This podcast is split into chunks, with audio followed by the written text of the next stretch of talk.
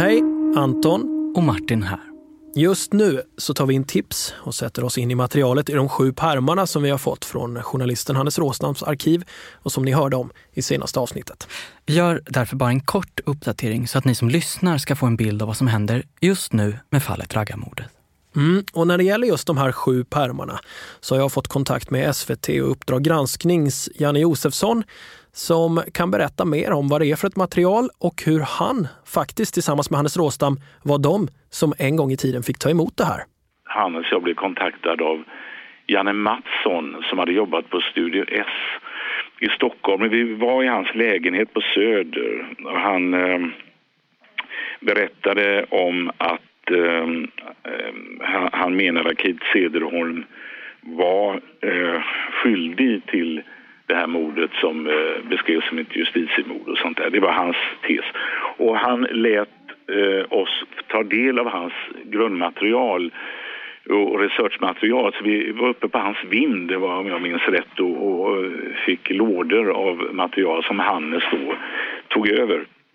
Vi gjorde aldrig någonting på det och mycket också beroende på att eh, skulle jag göra någonting om det här så skulle det uppfattas som eh, någon slags revansch eller någon eh, uppgörelse mellan mig och Jan Guillou eftersom vi varit i luven på varandra ett antal gånger och mötts i olika debatter och sånt där. Så det, men Hannes var helt övertygad och det handlade rätt mycket om, jag minns rätt, någonting om någon middag någonstans. Så, eh, så du vet inte heller vad, vad det på något sätt den springande punkten? Du nämner middagen där förstås då, men... Nej, vad jag, vad jag kan påminna mig vad det gäller en fakta, och det, eller åtminstone en detaljsak så var det en middag och sånt där. Men det fanns säkerligen mycket mer. Men han var, han var väldigt, väldigt fast i denna övertygelse och han ville egentligen väldigt gärna göra att vi skulle gjort detta med eh, Key. Uh, men det var spännande. När ska, ja, det, oh. det blev spännande. Men det, han, ja, det, alltså det måste ju nästan vara någonting i det materialet som har fått honom Eh, Eh, det är någonting, alltså den här middagen har i alla fall en väldigt stor betydelse.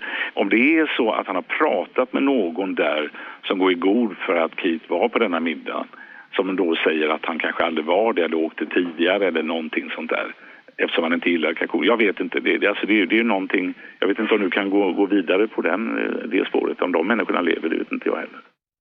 Vi har också varit i kontakt med anhöriga till flera av de här personerna som spelar huvudroller i händelserna kring raggarmordet. Och jag fick bland annat tag i mamman till huvudvittnet Lotta. Och vi snackar länge i telefon. Lotta är ju inte längre i livet, så hennes mamma får tala för hennes räkning. Hon var ju uppfödd på landet egentligen och så flyttade vi till stan och så kom hon ihop med de här raggarkillarna.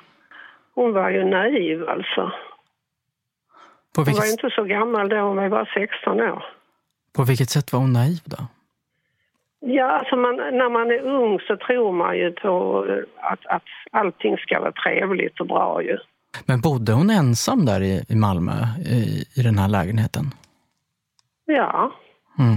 Alltså det, är människorna, de killarna hon var tillsammans med. Det var ju ingenting som jag tyckte var trevligt ju.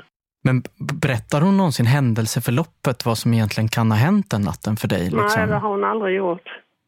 Det enda hon har sagt till mig det är att hon har pratat om sanningen. Det har hon sagt. Så hon specificerade aldrig vad som var sant? Eh? Nej, men hon, var ju, hon var ju, fick ju eh, vittna, eller hon var med mig i rättegången antagligen. Så. så hon pratade aldrig om den här natten när de här människorna ska kommit med, med den här Bo Göransson och sådär? Nej, och du frågade heller aldrig liksom, men vad hände då? Ja, jag har varit, det har varit väldigt... Eh, ja, jag kan inte säga någonting om det alltså. Vi har också fått tag på en annan mamma som följt den här historien nära, Flori, som är mamma till Kate och Rick. Och i ett långt samtal med mig så berättar hon om ett liv med tre söner som tidigt får klara sig själva och som får hålla varandra om ryggen. De kommer ju från en kringresande tivolifamilj som till slut hamnar i Helsingborg. Men om själva åtalen kring branden och Göranssons försvinnande så har hon egentligen ingen nytt i sak att komma med. Men hon menar att detaljerna blir motstridiga när Kate frias och Rick ändå fälls tillsammans med de andra raggarna. För åklagaren menar ju att Kate slagit ner vittnet Bo Göransson möjligen då med en sten. Sen har då Rick och Kate gemensamt släpat kroppen till bilen. Men Kate blev ju friad. Men jag menar, eh, eftersom Kate inte var med då, vem var det, vem var det då som kastade stenen i huvudet på den andra? Det var det ingen som frågade efter. Nej. Nej. Ja, det är ju där det haltar bland annat. Jaha, det haltar hela, hela alltihopa. Ja, men Rick gjorde ju bort sig också när han erkände, eller hur? Han var helt slut alltså. Han, var, han, är, han är ingen machokille om du tror det. Ja, det är lätt att tro. Ja, det är lätt att tro, men det är han verkligen inte. Han är den som är blödigast utav dem allihop. Så säger alltså Ricks mamma Flori. Och att en mamma säger att hennes son inte alls är så hemsk som alla andra säger, ja, det är ju allmänmänskligt och såklart inget bevis för någonting egentligen. Detaljen kring stenen däremot, det är ju en omständighet som visar precis hur ofärdigt det här målet ändå är.